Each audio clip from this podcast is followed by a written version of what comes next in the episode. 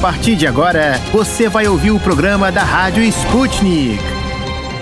Olá, ouvintes. Eu sou a Tayana de Oliveira e estou na companhia da Melina Saad para apresentarmos o programa de hoje da Rádio Sputnik. Olá, Thay. Olá, ouvintes. Vamos trazer agora os destaques desta quarta-feira, dia 6 de abril. O presidente da Câmara dos Deputados, Arthur Lira, defendeu a privatização da Petrobras. Ao comentar sobre a desistência de Adriano Pires, indicado para o comando da petroleira, o presidente da Câmara afirmou que a Petrobras, sendo uma empresa estatal, não produz riqueza e desenvolvimento. Arthur Lira ainda acrescentou comentou que se não tem nenhum benefício para o Estado nem para o povo brasileiro, nas palavras dele, a companhia pode ser privatizada. Ele criticou também o compliance da empresa que permitiria que qualquer pessoa do ramo atuasse na presidência da Petrobras. A crise na empresa foi deflagrada com a decisão do presidente Jair Bolsonaro de demitir Joaquim Silvio Luna da presidência. Logo depois disso, o economista Adriano Pires foi indicado para assumir o cargo, mas recusou o convite. O governo ainda não encontrou um substituto para o posto. E o presidente Jair Bolsonaro solicitou que o Supremo Tribunal Federal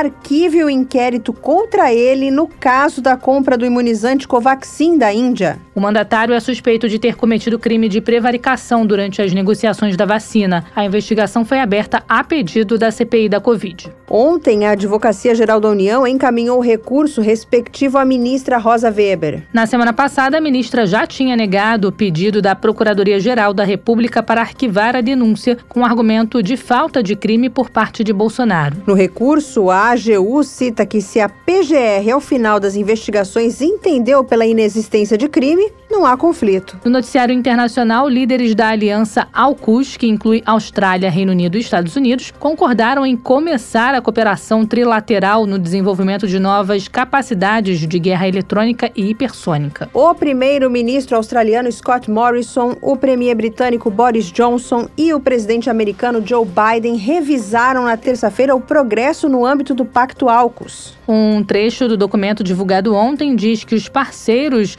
da AUKUS vão trabalhar em conjunto para acelerar o desenvolvimento das capacidades hipersônicas e contra-hipersônicas avançadas. Além disso, o texto acrescenta que os aliados vão cooperar no aperfeiçoamento de técnicas para operar em um ambiente de guerra eletrônica. Segundo o comunicado, os três países também estão em colaboração a respeito de veículos subaquáticos autônomos. Ensaios iniciais e testes dessa capacidade estão previstos para 2023. O presidente dos Estados Unidos, Joe Biden, autorizou que o Departamento de Estado do país envie mais 100 milhões de dólares, o equivalente a 465 milhões e 200 mil reais, para ajuda militar a Kiev. Um comunicado divulgado pela Casa Branca cita que o valor deve ser destinado a artigos e serviços de defesa, educação e treinamento militares. Segundo o porta-voz do Pentágono, Joe Kirby, a assistência adicional à segurança ucraniana vai incluir sistemas antitanques. Kirby disse ainda que Washington vai continuar trabalhando em estreita colaboração com a Ucrânia. Por outro lado, o ministro da Defesa russo, Sergei Shoigu, afirmou que o fornecimento de armas à Ucrânia é um erro, pois aumenta a quantidade de mortes, sem afetar a finalidade da operação especial da Rússia no país. A embaixadora dos Estados Unidos na ONU, Linda Thomas Greenfield, afirmou que a Rússia não pode ser excluída do Conselho de Segurança das Nações Unidas. A declaração foi dada durante uma entrevista ao MSNBC. Segundo a diplomata, o Conselho de Segurança foi criado como produto da ONU após a Segunda Guerra Mundial. Por isso, não é possível mudar o fato de que a Rússia faz parte do órgão. Ontem, o presidente ucraniano Vladimir Zelensky, em discurso ao Conselho, sugeriu que o Conselho dissolva ou exclua a Rússia. A participação da Federação da Rússia na entidade como membro permanente é estabelecida no artigo 23 da Carta da ONU. De acordo com o documento, as emendas exigem a assinatura de todos os membros permanentes do Conselho de Segurança. A Rússia tem o direito de vetar tal proposta. Sobre as sanções antirrussas, o deputado da Assembleia Nacional da Venezuela, Julio Chaves, disse em entrevista à Sputnik que as medidas adotadas contra Moscou afetam o fornecimento de fertilizantes e produtos alimentares para a América Latina.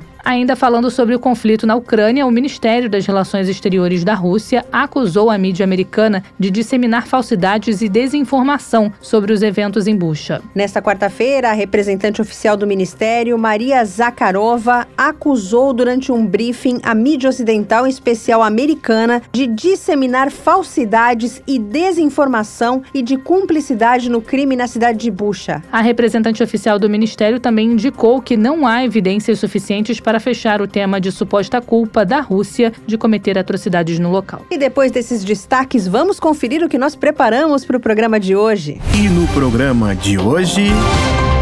No Destrinchando a Charada Brasil, você sabia que até a cerveja vai ficar mais cara por causa do conflito na Ucrânia? E nós vamos falar também sobre a cobrança da taxa extra na conta de luz. Na hora do play, Hungria passa a pagar em rublos pelo gás russo. No Você Sabia, que é o nosso quadro sobre curiosidades do Brasil, vamos falar sobre a princesa Leopoldina. O Deu Russo, que é o nosso quadro de bizarrices russas, vai contar uma história de pescador que não tem nada de mentirosa. Não se esqueça de ler, curtir e comentar nossas matérias no site br.sputniknews.com. Destrinchando a charada. De dentro e fora do Brasil. Política, economia, sociedade e tudo que engloba o maior país da América Latina. As charadas mais complicadas do Brasil são destrinchadas aqui é hora de destrinchar mais uma charada Brasil. O tema de hoje é quente ou gelado, como vocês preferirem. Olá, queridos ouvintes. Vocês sabiam que a cerveja vai ficar mais cara no Brasil por causa do conflito na Ucrânia? Por essa ninguém esperava, hein, Mel? Você gosta de uma cervejinha no fim de semana? Eu não, Thay, mas eu sei que você curte. Então esse destrinchando é para você e para os nossos ouvintes. A gente vai explicar por que isso aconteceu com a bebida mais consumida no Brasil. No ano passado já teve um aumento de 8,7%. Você sabia que Rússia e Ucrânia juntas representam 30% das exportações globais de cevada? Pois é, Moscou atualmente é o terceiro maior fornecedor de malte para o Brasil, ficando atrás apenas da Argentina e do Uruguai. A Rússia e a Ucrânia são dois países que também têm volumes relevantes de vendas de malte feito a partir da torra do broto germinado da cevada ou outro cereal. A gente trouxe aqui no Destrinchando a Charada Brasil o impacto que o milho, o trigo e a cevada devem sofrer com o conflito na Ucrânia. Essa subida nos preços da cerveja já é um desses reflexos, né, Mel? E por isso a gente chama o doutor em economia pelo FRJ e pesquisador vinculado ao grupo de economia política da UFRJ, Guilherme Alusca, para bater esse papo aqui com a gente. Guilherme, muito obrigada pela participação. Conta pra gente como é que fica a cerveja nessa história. O conflito ele já impactou impactou o preço dos cereais, como o trigo, milho, a cevada, o, o preço dessas commodities no, nas bolsas de mercados futuros já aumentou e esses produtos eles são insumos importantes para produzir cerveja. Então, com o aumento do preço desses grãos, isso deve aumentar os custos de produção da cerveja e então a tendência é de que o, os produtores de cerveja ah, repassem pelo menos uma parte desse aumento de custos para o preço final do produto. E que outros produtos podem também ficar mais caros e em quanto tempo o brasileiro pode sentir isso? Os produtos cujos preços tendem a ser mais diretamente afetados tendem a ser os alimentos e os combustíveis. Entretanto, a conjuntura atual também pode acabar encarecendo outros produtos de uma forma indireta. Indireta porque os combustíveis e os produtos agrícolas são utilizados como insumos de outras atividades, o que pode aumentar os custos de produção de outros bens e serviços. O principal exemplo aqui é o caso do dos combustíveis. Né? Então, aumento dos preços dos combustíveis é, tende a ter um efeito sobre os preços de vários outros produtos, porque isso encarece os fretes, então é, encarece o, o, custo de, de se levar o, um, os produtos do, da fábrica até o mercado, por exemplo. O aumento do preço dos combustíveis também pode aumentar o valor das passagens de ônibus, tanto municipal quanto intermunicipal, e o aumento do preço de alguns produtos agrícolas também entra na produção de outros produtos, por exemplo, os cereais são usados na produção de cerveja. O milho, o trigo são usados como ração de animais, então pode afetar também o preço da carne ou de produtos do laticínio. De que maneira esse aumento pode afetar os nossos produtos internos? Aí a gente não está falando só da cerveja. Em vários dos casos citados acima, pode demorar alguns meses até que um choque nos preços internacionais se faça sentir nos preços pagos pelo consumidor final. Por exemplo, no caso do trigo, os importadores ainda podem ter algumas compras firmadas em contratos mais antigos, quando os preços ainda estavam menores. Além disso, existe um tempo até que esse trigo mais caro ele entre na produção dos moinhos de trigo, que dos moinhos que produzem a farinha de trigo. Depois pode levar mais um tempo até que o encarecimento da farinha de trigo aumente os preços dos pães. No caso do preço das passagens de ônibus, por exemplo, esse é um setor regulado, então as empresas não podem reajustar o, os preços no momento que quiserem e depende de depende do, do governo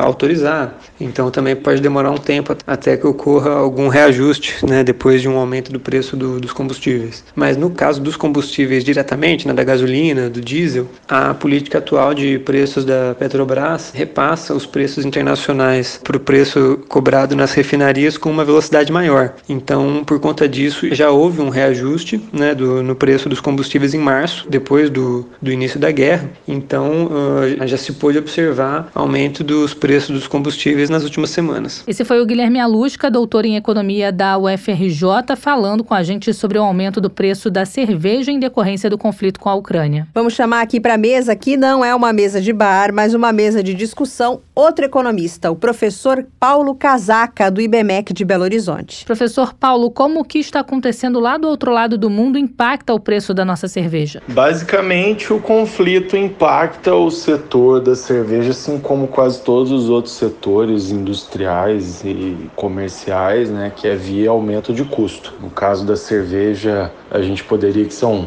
poderia dizer que são dois canais de, de, de, aumento de custo, que um deles é do insumo, que vem da Rússia e da Ucrânia, do trigo e do malte, e também do aumento da gasolina, que transporta a cerveja para o Brasil todo. Então a gente poderia dizer que são esses os dois impactos e o setor vai ser afetado sendo preço, sendo seus preços, seus custos elevados. O Brasil é dependente desses insumos usados para fazer a cerveja, eu digo malte e a cevada? O Brasil é um grande importador desses maltes, né, dos insumos que, que são utilizados na cerveja, alguns deles bastante, como lúpulo, outros um pouco menos, né, como milho, por exemplo, mas quase todos eles há uma dependência pelo menos parcial de produtos importados. Então, a gente pode dizer que esse setor ele vai sofrer por conta dessa dependência e a gente poderia dizer também que a indústria do, do da cerveja artesanal vai ser a que mais vai sofrer nesse caso, porque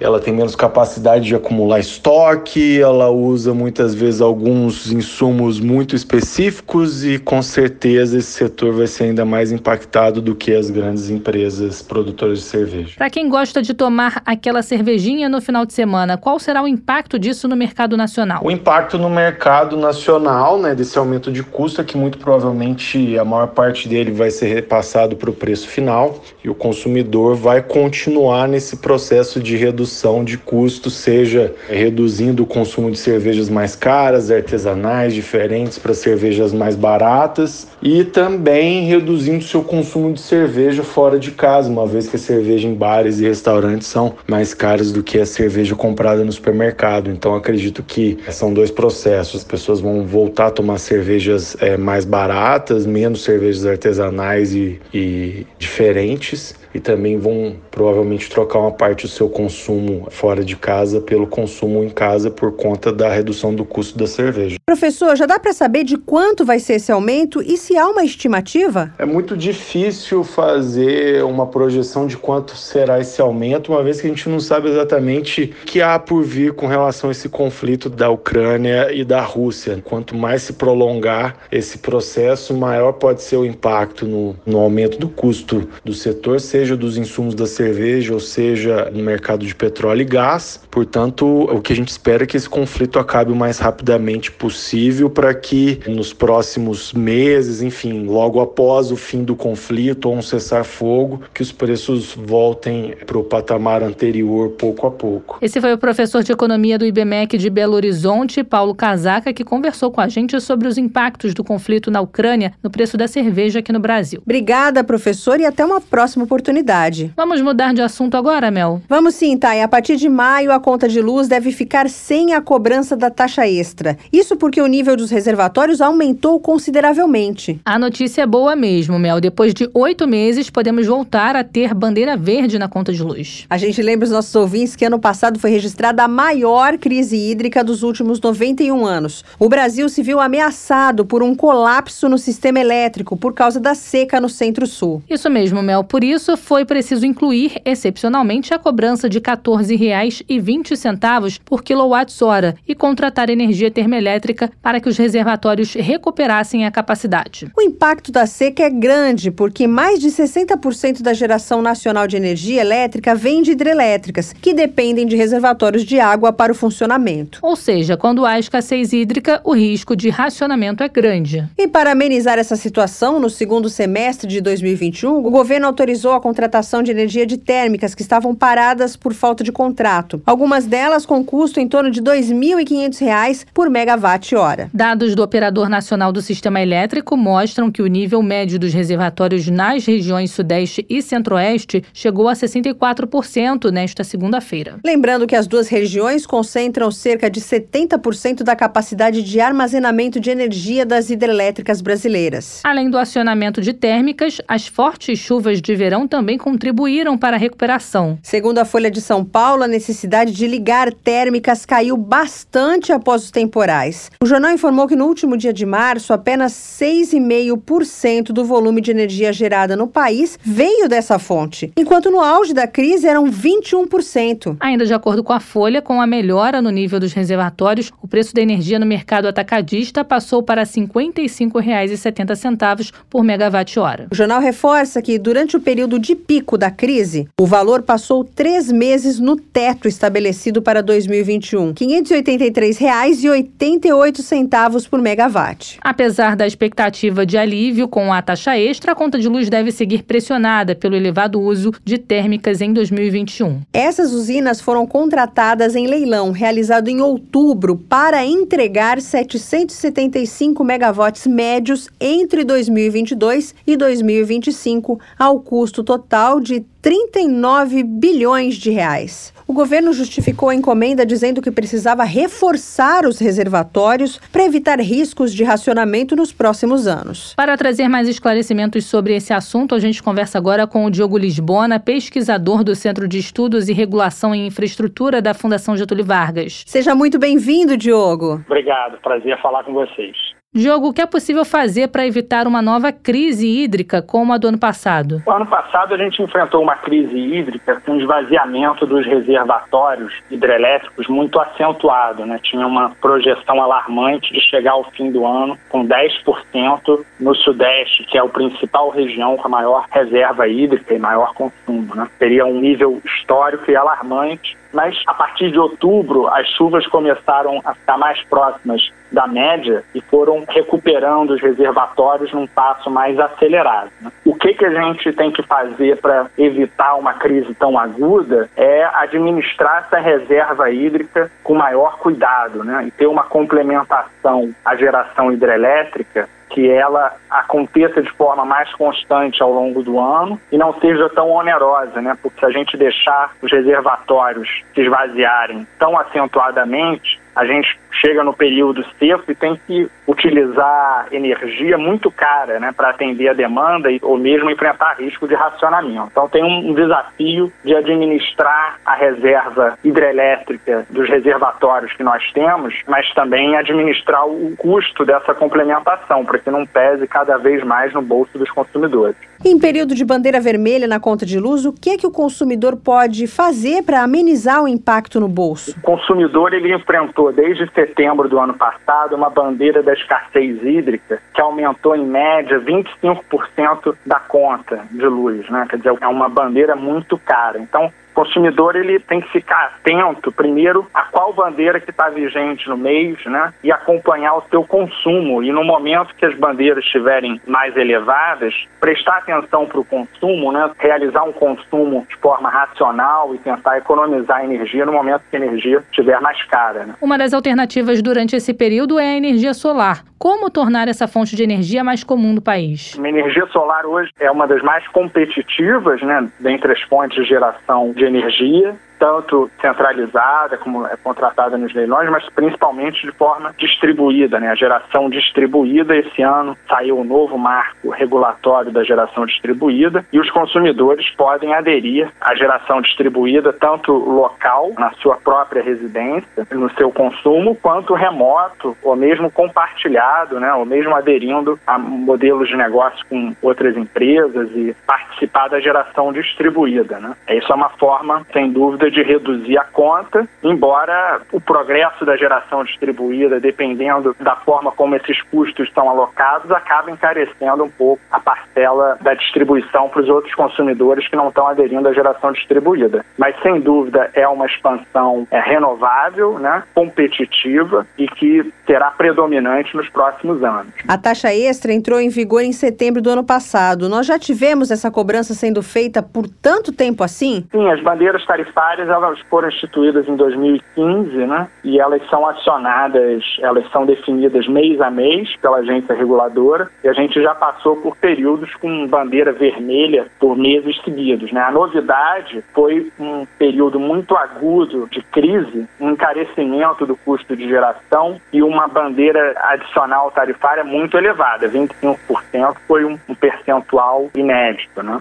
O Brasil ainda enfrenta risco de racionamento? Olha, esse ano a gente, com a recuperação dos reservatórios, né, que chegaram agora em março no Sudeste, acima de 60% do volume, os outros sistemas também é, se recuperaram, né, Sobradinho está com 100%. O risco esse ano ele foi muito mitigado. A perspectiva no ano passado era que a gente enfrentaria um ano muito difícil em 2022 e as chuvas, do ponto de vista de suprimento de eletricidade, favoreceram, vão reduzir o custo de geração esse ano. É, deu essa sorte de ter uma recuperação dos reservatórios e isso mitigou o risco de suprimento esse ano com a perspectiva que nós tínhamos no ano passado. Com a chuva ajudando a encher os reservatórios, ainda há necessidade de manter a contratação de de energia de térmicas? É, quer dizer, a contratação, essas térmicas, elas estão contratadas né, no mercado para atender o mercado regulado das distribuidoras e mesmo para reserva, né, para operarem em momentos críticos. O desafio é saber quando acionar essa disponibilidade termoelétrica. Né? O operador nacional do sistema, no dia a dia dele, ele está calculando, otimizando esse sistema e vendo o que, que é melhor. Se é melhor gerar mais energia termoelétrica hoje e guardar um pouco de água, ou não, ou você gastar mais água hoje e evitar gastos com geração termoelétrica, né? onerando as tarifas dos consumidores. Esse dilema é no tempo intertemporal, né? é o dia a dia do operador e ele tenta administrar isso da melhor forma possível. Abrir mão dessa geração termoelétrica hoje, a gente não consegue né, abrir mão de uma geração mínima termoelétrica. É claro que durante a crise a gente usou toda a disponibilidade termoelétrica e hoje a gente está utilizando algo próximo à metade, um pouquinho mais que né, em torno da metade. Tem custos, claro, essa geração termoelétrica, mas custos muito menores do que quando a gente aciona todo o parque termoelétrico. Então, no ano passado, né, no começo de 2021, a gente já tinha um cenário hidrológico muito complicado e, por receio inflacionário, a gente reduziu a geração termoelétrica no começo do ano. E acabou tendo uma evolução muito ruim. Nós precisamos acionar muitas térmicas, importar energia cara, fazer programa de redução voluntária da demanda com custo, né, para incentivar a redução do consumo. Então, por hora, nós não temos como fugir dessa complementação termoelétrica e isso tem algum custo, claro, de geração. Que lição podemos tirar desse período de crise? É, o período de crise que nós enfrentamos em 2021, ele não foi inédito. Na verdade, quando a gente olha para os últimos 10 anos, desde 2012, o Brasil vem acionando muito esse parque termoelétrico está disponível, mas que tem um custo elevado se ele for utilizado por muito tempo e por um volume muito grande. Então, por outro lado, a gente tem uma expansão de energia renovável como eólica e solar no Brasil, que é complementar às hidrelétricas, que são predominantes, que são competitivas. Então, a gente tem um certo desafio olhando para frente, que é como equilibrar a nossa matriz, que já é bastante renovável, né, para uma expansão que seja renovável, em que entregue uma energia segura, sustentável e acessível para todo mundo. Né? Essa parte do acessível, a gente está pecando. Né? O custo da eletricidade, das tarifas, vem aumentando sucessivamente desde 2013, 2014, muito acima da inflação. E o que a contratação de energia, principalmente no ambiente regulado, vem apontando é para uma geração termoelétrica. A gente fez a contratação emergencial durante a crise, né, de uma energia muito cara que vai estar disponível entre 2022 e 2025. Fizemos uma contratação no final do ano que acabou envolvendo térmicas a óleo combustível, que acabaram depois, ganharam com uma liminar judicial que acabou sendo revertida recentemente. O Brasil prorrogou utilização de carvão até 2040, né? Então, no ambiente regulado, a gente tem tomado algumas decisões, talvez olhando para a garantia de suprimento, com um legado de custo e emissões. E talvez a gente tenha que equilibrar melhor a expansão renovável e que garanta um ciclo de redução tarifária para os próximos anos, porque as tarifas elas estão cada vez mais caras e mais onerosas no orçamento das famílias e isso vai ficar insustentável no médio prazo. Devido aos impactos das mudanças climáticas, o Brasil corre o risco de ver crises hídricas como essa com mais frequência? É, sem dúvida, o Brasil ele já está enfrentando crises severas, né, hídricas, a gente, na verdade, está saindo de extremos. A gente estava numa escassez hídrica no segundo semestre de 2021 e, final de dezembro, início de janeiro, vários estados sofreram com inundações, né, Bahia, Minas Gerais, depois Rio de Janeiro, no norte também você já vinha sofrendo, e os consumidores de eletricidade pagando uma bandeira de escassez hídrica, né? Como é que você explica para o consumidor que está pagando uma tarifa tão cara por uma escassez hídrica e várias pessoas estão vendo seus imóveis, suas casas, né, sendo inundadas. Então a gente, esses extremos, eles são é, desafiadores, isso tem repercussão para outros setores, para agricultura e é super importante para a economia brasileira. E essa gestão dos recursos vai ficar cada vez mais desafiadora, né? E tem estudos que mostram que essa crise hídrica que a gente está atravessando, na verdade, é uma crise que vem lá de trás, desde 2012 e várias bacias hidrográficas apresentam uma hidrologia muito abaixo da média, então a gente tem um déficit hídrico, né? E isso tem repercussão. E por outro lado, o Brasil ainda estuda muito pouco, né? Qual é o impacto das mudanças climáticas né, nos seus recursos hídricos. Então a gente tem essa lição de casa para fazer urgente, né? Se preparar para a mudança climática que está no horizonte dos próximos anos, das próximas décadas, e a gente ainda está mal preparado para isso. Para finalizar, qual seria a saída para minimizar os riscos de novas crises? Investir em geração de energia renovável, por exemplo? Sem dúvida, a expansão da matriz tem que olhar para a energia renovável, são as energias mais competitivas. O Brasil tem uma vantagem em relação a vários outros países de partir nessa transição com uma infraestrutura, né, com uma legada que já é renovável, tem interconexão entre as regiões. Então a gente sai com vantagens e a gente deveria aproveitar essas vantagens melhor do que nós estamos fazendo nos últimos anos. E sem dúvida entregar uma energia limpa, confiável e segura, o Brasil tem todas as condições, né? mas tem que equilibrar melhor para não pesar no bolso do consumidor nessa transição custos que onerem demasiadamente a energia no orçamento das famílias. Esse foi o Diogo Lisbona, pesquisador do Centro de Estudos e Regulação em Infraestrutura da Fundação Getúlio Vargas. Muito obrigada, Diogo. Até uma próxima oportunidade. Eu que agradeço. Um abraço para você. Nós procuramos o Ministério de Minas e Energia e a Agência Nacional de Energia Elétrica, que, através de nota, informou que, em razão da recuperação dos armazenamentos nos principais reservatórios do sistema, a expectativa é a de redução da geração termoelétrica e a elevação do nível de produção de energia pelas usinas hidrelétricas. Ainda de acordo com o Ministério, a probabilidade de ocorrência da bandeira verde na atual conjuntura é grande. O Ministério de Minas e Energia reforçou ainda que o Comitê de Monitoramento do Setor Elétrico vai continuar monitorando as incertezas associadas aos cenários hidrológicos futuros. Só nos resta esperar para ver se teremos ou não um alívio na conta de luz. Esse foi o Destrinchando a Charada Brasil de hoje. Até amanhã.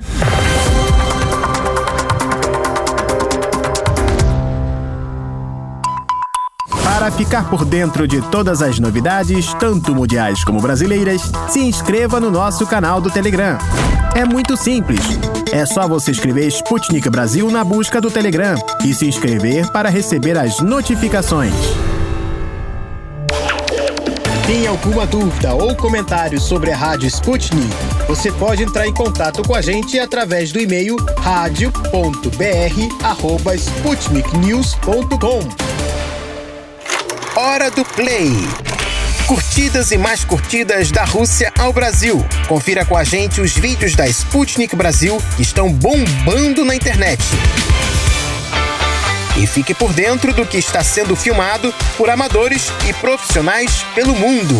Chegou a hora da gente saber o que, que está bombando na internet. Ainda bem que a gente tem você, Tito, aí de Moscou para nos contar tudo. Traz pra gente, Tito. Olá, queridos amigos da Rádio Sputnik. Eu sou Tito da Silva e estes são os vídeos da Hora do Play. No primeiro vídeo desta quarta-feira, 6 de abril, o ministro das Relações Exteriores da Hungria, Peter Szijjártó, afirmou durante uma videoconferência que seu país já está tratando com a gigante russa Gazprom o pagamento pelo gás russo em rublos. Ele também afirmou que o fornecimento de energia à Hungria está seguro. Para assistir ao vídeo, digite na Odyssey: Hungria trata com a Gazprom pagamento pelo gás em rublos. E no segundo vídeo de hoje, durante entrevista ao canal no YouTube The Dive with Jack Hinkle, o ex-conselheiro do Pentágono e coronel do Exército norte-americano Douglas MacGregor afirmou que o secretário de Estado de seu país, Antony Blinken, tem ódio dedicado aos russos e levantou suspeitas sobre a cobertura da mídia ocidental nos eventos na Hungria.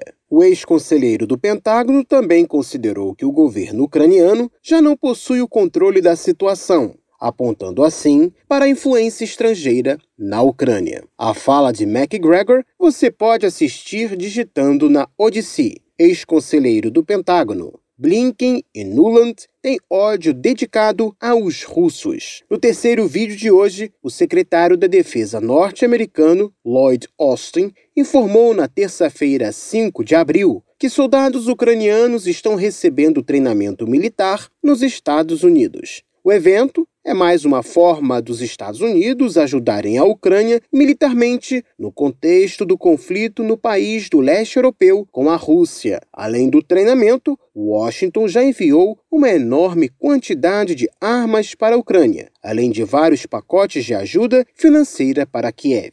Encontre o vídeo na Odyssey digitando Soldados ucranianos estão sendo treinados nos Estados Unidos diz Pentágono. E no quarto vídeo de hoje, os países membros da Aliança Militar AUKUS, Estados Unidos, Austrália e Reino Unido, anunciaram nesta terça-feira, 5 de abril, o início de uma cooperação trilateral no desenvolvimento de armas hipersônicas. O anúncio foi feito logo após se tornar pública a informação de que os Estados Unidos realizaram em março um teste bem sucedido com um míssil hipersônico. A AUKUS tem sido vista como um problema pela China, uma vez que esta considera a formação da aliança uma estratégia dos três países contra o gigante asiático. O vídeo você encontra digitando na Odyssey. Estados Unidos, Austrália e Reino Unido vão desenvolver mísseis hipersônicos e meios de guerra eletrônica. E por hoje é tudo, pessoal. Até mais. Falando da Hungria, 85% do gás que o país usa vem da Rússia e 64% do petróleo também. A Moldávia, que também compra gás russo, já está fazendo o pagamento em rublos. Ou melhor, o contrato do país com a Gazprom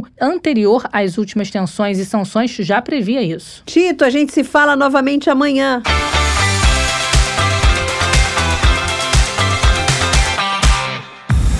Não se esqueça de ler, curtir e comentar nossas matérias no site br.sputniknews.com.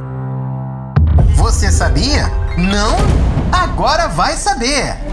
País gigante como o Brasil, sempre há mistérios ou peculiaridades históricas que merecem ser desvendados. Vem com a gente descobrir! Olá, ouvintes. Vocês já ouviram falar da princesa Leopoldina? Acho que todo mundo já ouviu falar dela alguma vez nas aulas de história. Ah, certamente, Thay, mas o que poucas pessoas sabem é que ela teve um papel importante na ciência aqui no Brasil. Isso é novidade para mim também, Mel. Então, para você e para os nossos ouvintes conhecerem um pouco mais da história da princesa Leopoldina, nós vamos conversar agora com a professora de história Mari Del Priori. Professora, muito obrigada pela participação. Para começar, conta pra gente quem foi Leopoldina. É uma jovem jovem arquiduquesa, o pai dela foi uma das figuras mais importantes do antigo regime europeu, o grande imperador austríaco, o grande inimigo de Napoleão também, que só fará paz na Europa depois que ele, Napoleão, arranca uma filha do Francisco I. Mas, enfim, é junto com Napoleão, são aquelas figuras que vão, de alguma maneira, obcecar uh, toda a Europa nesse momento, nesses primeiros anos do século XIX.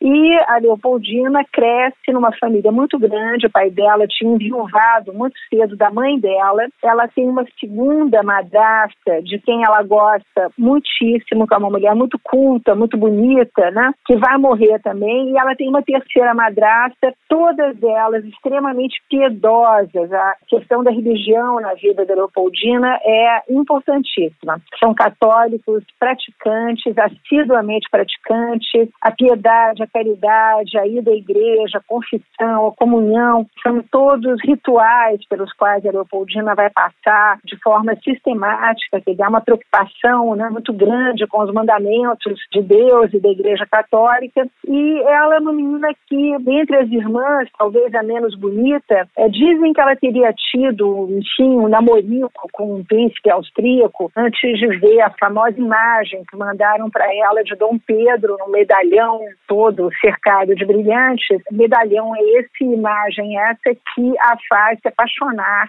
por essa figura. O ambiente no palácio em Viena era um ambiente já, embora estivéssemos falando aí de império, antigo regime, mas bastante aburguesado no sentido de que a família tinha uma vida de família, é, diferentemente dos reis franceses ou ingleses, que a família ficava longe do monarca. Era uma família que estava sempre junta, tocavam muita música, faziam muita música junto. A corte austríaca era uma corte muito austera, do ponto de vista religioso, mas de muitos bailes, festas, ópera. Portanto, a Leopoldina estava acostumada a uma vida não fútil, longe disso, mas de uma certa atividade social que ela não terá absolutamente aqui no Brasil. Uma outra característica dessa corte é a questão dos estudos. A gente acha que a Leopoldina foi, assim, alguém fora da caixinha por ter estudado muito. Não. As princesas europeias, de uma maneira geral, recebiam exatamente essa carga de estudo que ela teve teve, né? Pintura, música, botânica, história, línguas, quer dizer, havia uma espécie de padrão da educação dessas princesas, mas no caso da Leopoldina, por serem muitos filhos, eu imagino, até pela beleza também dos palácios vienenses, palácios no campo, eh, palácios para final de semana, né? Que essa vida toda esportiva na natureza tivesse ganho, por assim dizer, um peso maior. Ela vai se interessar por mineralogia psicologia e britânica, ela inclusive havia momentos depois de tristeza, ela dirá até ao pai que quer voltar para Viena para cuidar da biblioteca dele de ciências naturais. E eu lembro também que as ciências naturais era uma verdadeiro modismo na Europa do final do século XVIII. É por isso, inclusive, que vários jardins botânicos vão ser criados, várias academias de ciências naturais vão ser criadas, inclusive em Portugal. Então, eu diria que esse ambiente de interesse pela natureza, né, né, ele vem sendo, digamos, muito estimulado nas cortes europeias eh, desenvolvidas. Como e por que ela atuou para recebermos a missão austríaca? É, mas não tomemos também a Leopoldina por uma sábia que conhecia conhecia absoluta, ela era uma curiosa, né? Esses gabinetes de ciências naturais que a gente encontra, inclusive, em muitos palácios austríacos, alemães e mesmo franceses, eram chamados de curiosa. Eram armários onde se colocavam conchas, ah, plantas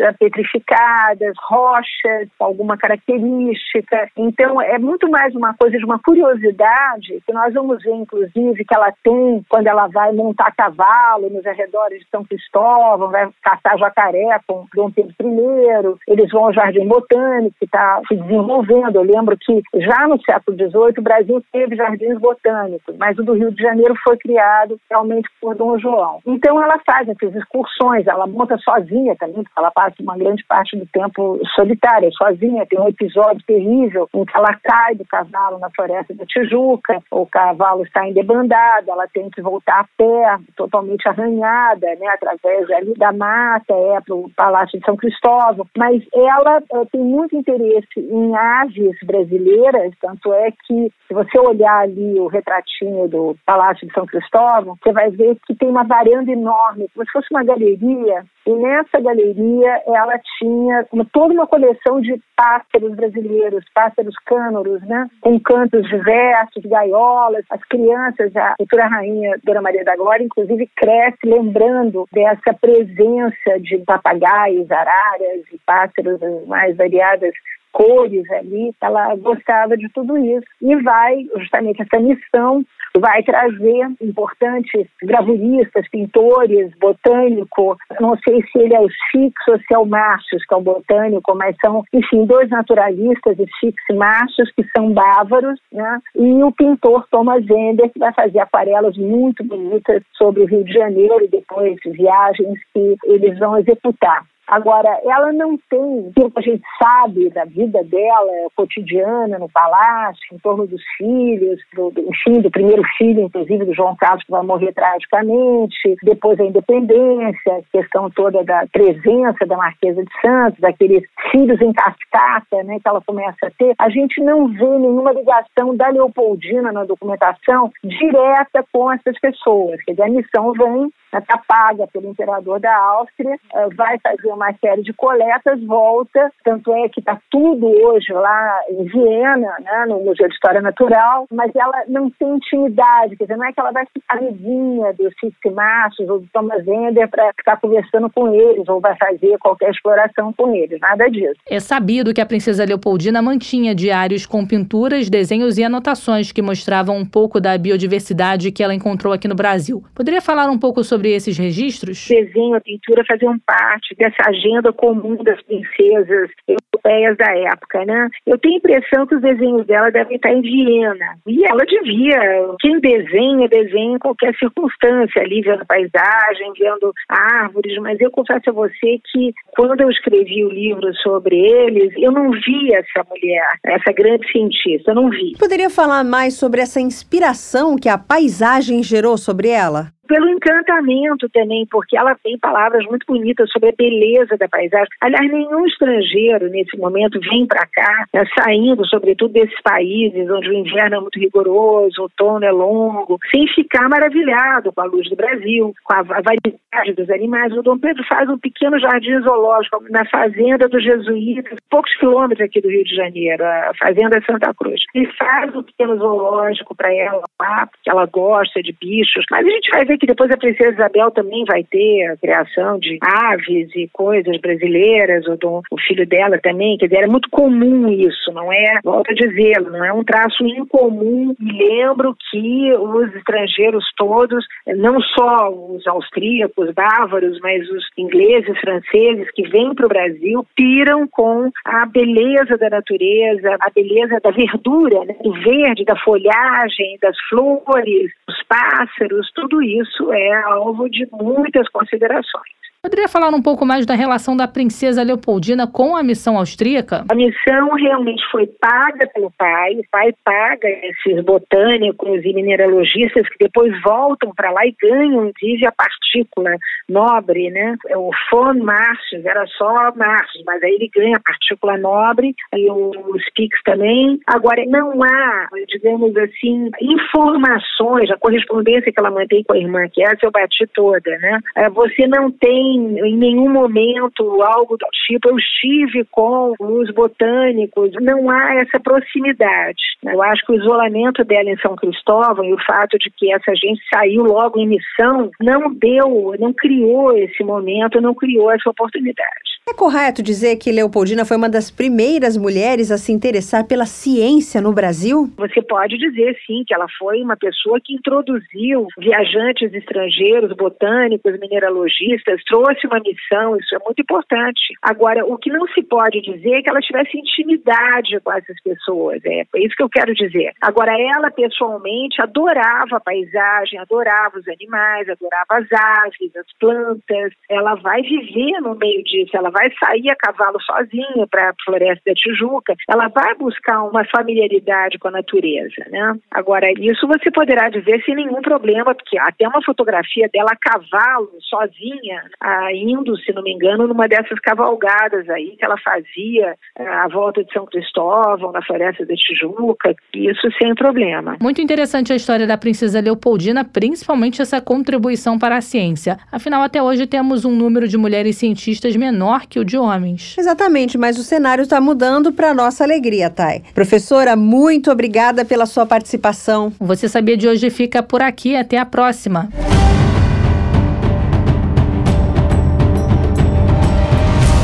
Ouvintes. Vocês já ouviram falar na Kumaru? Eu já ouvi falar por alto, Mel, mas confesso que não sei exatamente do que se trata. A Kumaru é conhecida como a baunilha brasileira, por ter um sabor que se assemelha à da tradicional baunilha. Nossa, que legal. Nós temos tantas plantas no Brasil e não conhecemos a grande maioria. E apesar de muitos brasileiros não a conhecerem, ela já vem despertando curiosidade de diversos chefes pelo mundo. E para falar um pouco mais sobre a Kumaru, nós convidamos a Elma Leite, que é professora de gastronomia da Universidade Universidade Estácio de Sá. Elma, muito obrigada pela sua participação. Para começar, conta pra gente o que diferencia a cumaru da baunilha convencional. Ela tem um sabor mais intenso? Eu não diria que ela tem um sabor mais intenso, porque ela tem até um pouquinho, algumas notas diferentes da baunilha que a gente conhece, da fava de baunilha que a gente conhece, né? Que vende por aí. Ela tem, ela é adocicada, mas tem umas notinhas de coco, amêndoa, aí vem a baunilha também. Então, assim, as substâncias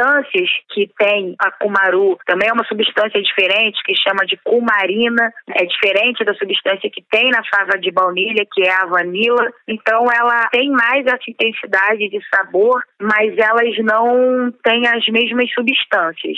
A cumarina ela é a substância do cumaru, que é diferente da substância da fava de baunilha, que é a vanila. Então acredito que ela que dá essa concentração na semente de cumaru. E como eu falei, ela é até conhecida como a baunilha brasileira por conta da gente conseguir substituir a fava de baunilha por ela, mas ela tem ainda uns sabores um pouquinho diferentes da fava de baunilha convencional.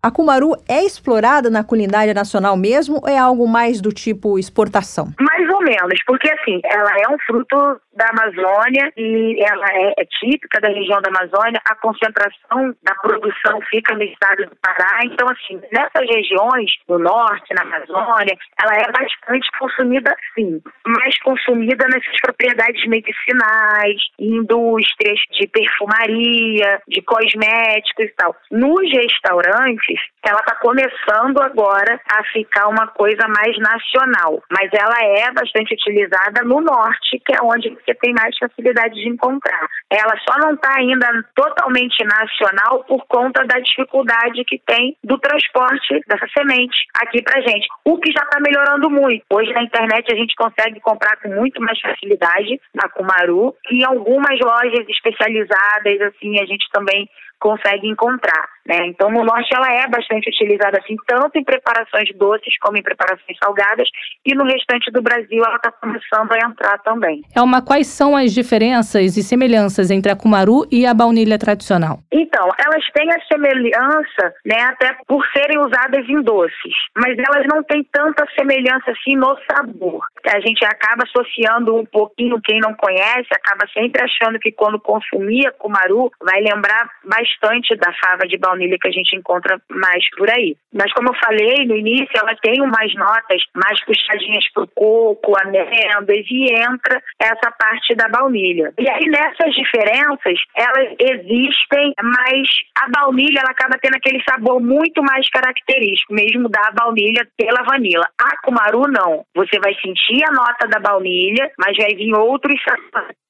Você na hora você percebe um pouquinho essa diferença. A baunilha, a cumaru, ela é daqui da região amazônica. Ela começou a vir mais ou menos, se eu não me engano, dos Estados Unidos e depois por lá proibido o consumo, mas por conta da substância. E aí ela é proibido o consumo na alimentação, mas em outros produtos que ela é utilizada, ela é liberada. Então parou esse consumo e começou a vir as sementes nas viagens e tudo, veio para o norte do Brasil. Então ela pega o norte do Brasil, mas também ela pega uma parte, assim, do Maranhão até o Acre, ela passa pela parte seca, pela Caatinga de Pernambuco, Paraíba, Ceará. Então ela pega essas regiões, como eu tinha falado também no início, ela concentra muito mais no Pará, onde tem a maior parte da produção, cerca de 86, 87% da produção nacional é do Pará e ficou aqui com a gente. Hoje, hoje ela é muito mais utilizada mesmo aqui no Brasil e fora do Brasil, aqui na América do Sul, ela também pega uma parte da Argentina,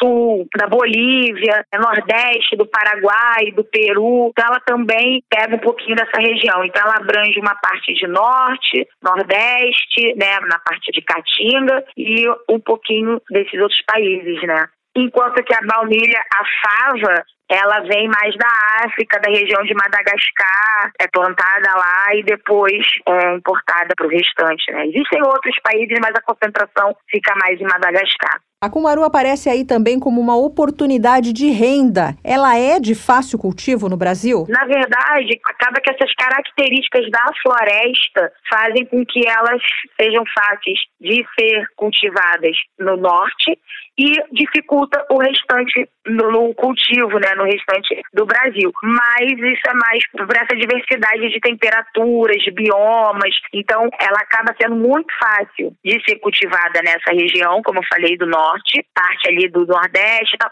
Mas no sul, por exemplo, ela é bem difícil, porque são características climáticas totalmente diferentes, né? Agora, falando da melhor parte, que pratos podem fazer o uso da nossa cumaru? Ela pode ter o mesmo uso da baunilha tradicional? Coisas diferentes na gastronomia a gente pode tentar sempre, né? Eu falo isso para meus alunos direto, a gente não tem uma regra do que não se pode fazer. O que vale é a gente experimentar e ver se dá certo. É assim, mas ela é basicamente isso, ela substitui mesmo a baunilha. Como eu falei, ela tem algumas notas diferentes da baunilha tradicional, mas em pudins, sorvete, bolo, a gente consegue, por exemplo, fazer um brigadeiro e não colocar o chocolate e fazer um brigadeiro de cumaru. A gente vai usar os mesmos ingredientes de um brigadeiro, só que vai pegar a sementinha do cumaru, a gente vai ralar, ela tem que ser usada ralada, né, um pozinho, diferente da fava de baunilha que a gente abre a fava e tira as sementinhas, o cumaru a gente rala e aí ele faz um pozinho. E aí a gente utiliza nesses preparos. E a gente também consegue utilizar cumaru em peixes, é, frutos do mar, molhos, dessa parte salgada. O que dificulta um pouquinho a gente fazer isso quando a gente usa fava de baunilha, por ela ter um sabor forte e bem puxado pro adocicado. Com a cumaru a gente já consegue colocar nessas preparações. Tem que ter um pouquinho de cuidado, porque ela é extremamente aromática, extremamente saborosa, e aí às vezes a gente, se exagerar, a gente confunde. A preparação deixa de ser salgada para puxar mais pro doce. E nos molhos, por exemplo, dessa parte salgada, a gente pode usar com alguma fruta cítrica, alguma fruta ácida, que aí ela vai dar aquela notinha ali e o cítrico vai ajudar a não dar aquele sabor enjoativo, né, levando para um lado de doce. Mas é basicamente a mesma utilização, a gente consegue substituir, né, o que é bom pelo valor. O valor da cumaru ela é três vezes mais barata, quatro vezes mais barata do que a fava de baunilha importada. E recentemente eu li que eles estão usando também a cumaru para aromatização de cervejas. Então algumas fábricas assim já estão usando ela. Ainda não tive o prazer de experimentar uma cerveja aromatizada com cumaru, mas já vou começar. Quando eu li isso, tem um pouquinho de tempo. Eu li isso, já fiquei curiosa de achar uma cerveja que tivesse para poder ver como é que tá. Nossa, deu até vontade de experimentar o brigadeiro de cumaru. Eu fiquei com vontade de experimentar todas as receitas, inclusive a cerveja. Falando de uma forma geral, Elma, quais são as principais vantagens da cumaru em relação à baunilha tradicional? Ela, por ter um sabor mais apurado, a gente acaba utilizando ela menos quantidade. Então, assim, tem essa questão do valor de ser três vezes mais barata, mas aí a gente também usa menos, né? Então, isso é uma das vantagens mas essa é a principal. Agora, em relação à sustentabilidade, esse tipo de coisa também é uma coisa que é bacana, a gente valoriza também o nosso produto. Como é um produto que vem da região lá da Amazônia, onde tem muitas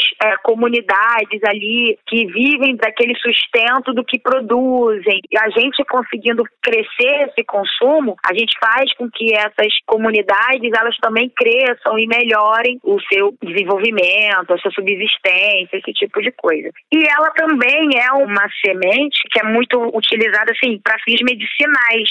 Então, a gente também tendo esse consumo, a indústria de medicamentos passa a utilizar, o que também pode ajudar a baratear né, o custo de medicamentos e usando até mesmo ela de forma natural, porque pode ser usado como chá, xarope, os óleos que tem da castanha também é usado como anti-inflamatório, os chás que eles podem entrar aí ajudando a amenizar problemas no coração, tonificar o coração. Então, assim, tem muita propriedades medicinais que entram com essa semente e que eu acho que é uma coisa que é bacana de estar tá produzindo. Além como eu já tinha falado, dos cosméticos, a madeira que vai para os móveis, porque ela é uma árvore que é utilizada toda. As sementes, as folhas, a casca. Então, acho que isso é uma coisa legal em relação à sustentabilidade. Essas... São muitas vantagens mesmo. Ficamos na torcida para que a nossa baunilha nacional seja mais valorizada. E que chegue na mesa de todos os brasileiros. Eu já estou doida para experimentar. Somos duas, Mel. Elma, muito obrigada pela sua participação. O Você Sabia de hoje fica por aqui. Até a próxima.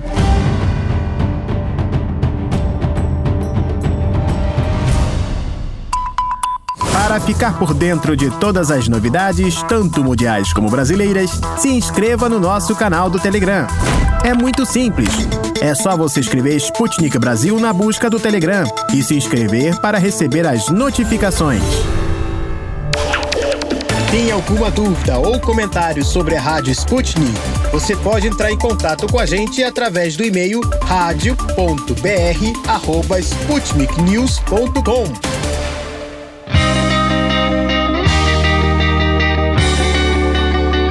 Deu Russo. De notícias bizarras do Brasil já estamos mais que saciados. E as bizarrices que acontecem na Rússia, hein? É outro nível, rapaziada. Ih, deu russo!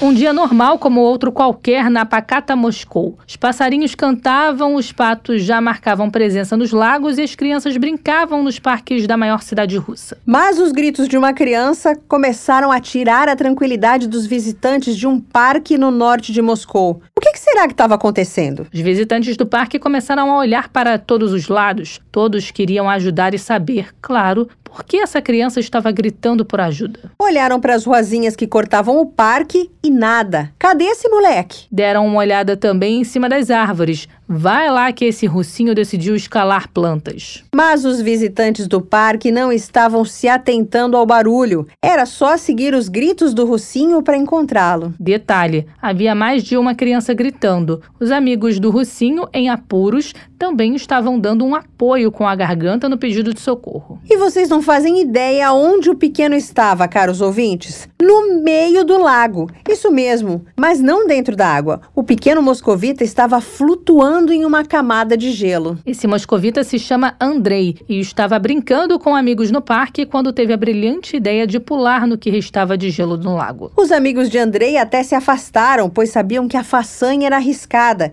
e não quiseram dar bola para a ideia do amigo. Andrei decidiu pular na camada de gelo que estava posicionada na beira do lago e seguiu um rumo sem querer. Assim que Andrei pulou, a camada de gelo se rompeu e se afastou da beira, tirando todas as chances desse moscovita voltar para perto dos amigos. Só sobrou para os amigos de Andrei observar como ele ia embora em uma camada de gelo. O barquinho de gelo deste moscovita se afastou tanto que ninguém conseguia ajudá-lo a sair dessa cilada. Ninguém, vírgula, Mel, pois de longe um pescador estava sentado na beira do lago com todos os equipamentos para fisgar o moleque, uma vara de pescar e muita paciência. Os amigos de Andrei correram para pedir ajuda do pescador, que estava ali de bobeira sem conseguir fisgar nada. Por falta de peixe, Vai russo mesmo? O pescador se posicionou, jogou a linha com um gancho e de primeira acertou a camada de gelo. Agora era só puxar a linha de pesca. E assim um pequeno moscovita foi fisgado em um dia como outro qualquer, com passarinhos cantando,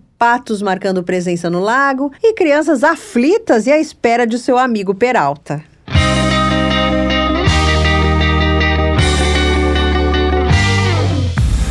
Não se esqueça de ler, curtir e comentar nossas matérias no site br.sputniknews.com. Hora de dar tchau. Chegamos ao fim do programa desta quarta-feira, dia 6 de abril. Tenho certeza que os nossos ouvintes vão continuar ligados em toda a nossa programação. Para isso, basta dar uma passadinha no site da Sputnik Brasil, br.sputniknews.com, para conferir as notícias do momento. Lembrando que temos também nosso canal da Sputnik Brasil no Odyssey. Não dá para perder, né? Lá os nossos ouvintes encontram os vídeos dos assuntos mais importantes do momento, tanto no Brasil como no resto do mundo. Fiquem ligados também nas informações sempre atualizadas no Twitter e Telegram da Sputnik Brasil. Boa quarta-feira, gente! Até amanhã, pessoal! Você acabou de ouvir mais um programa da Rádio Sputnik.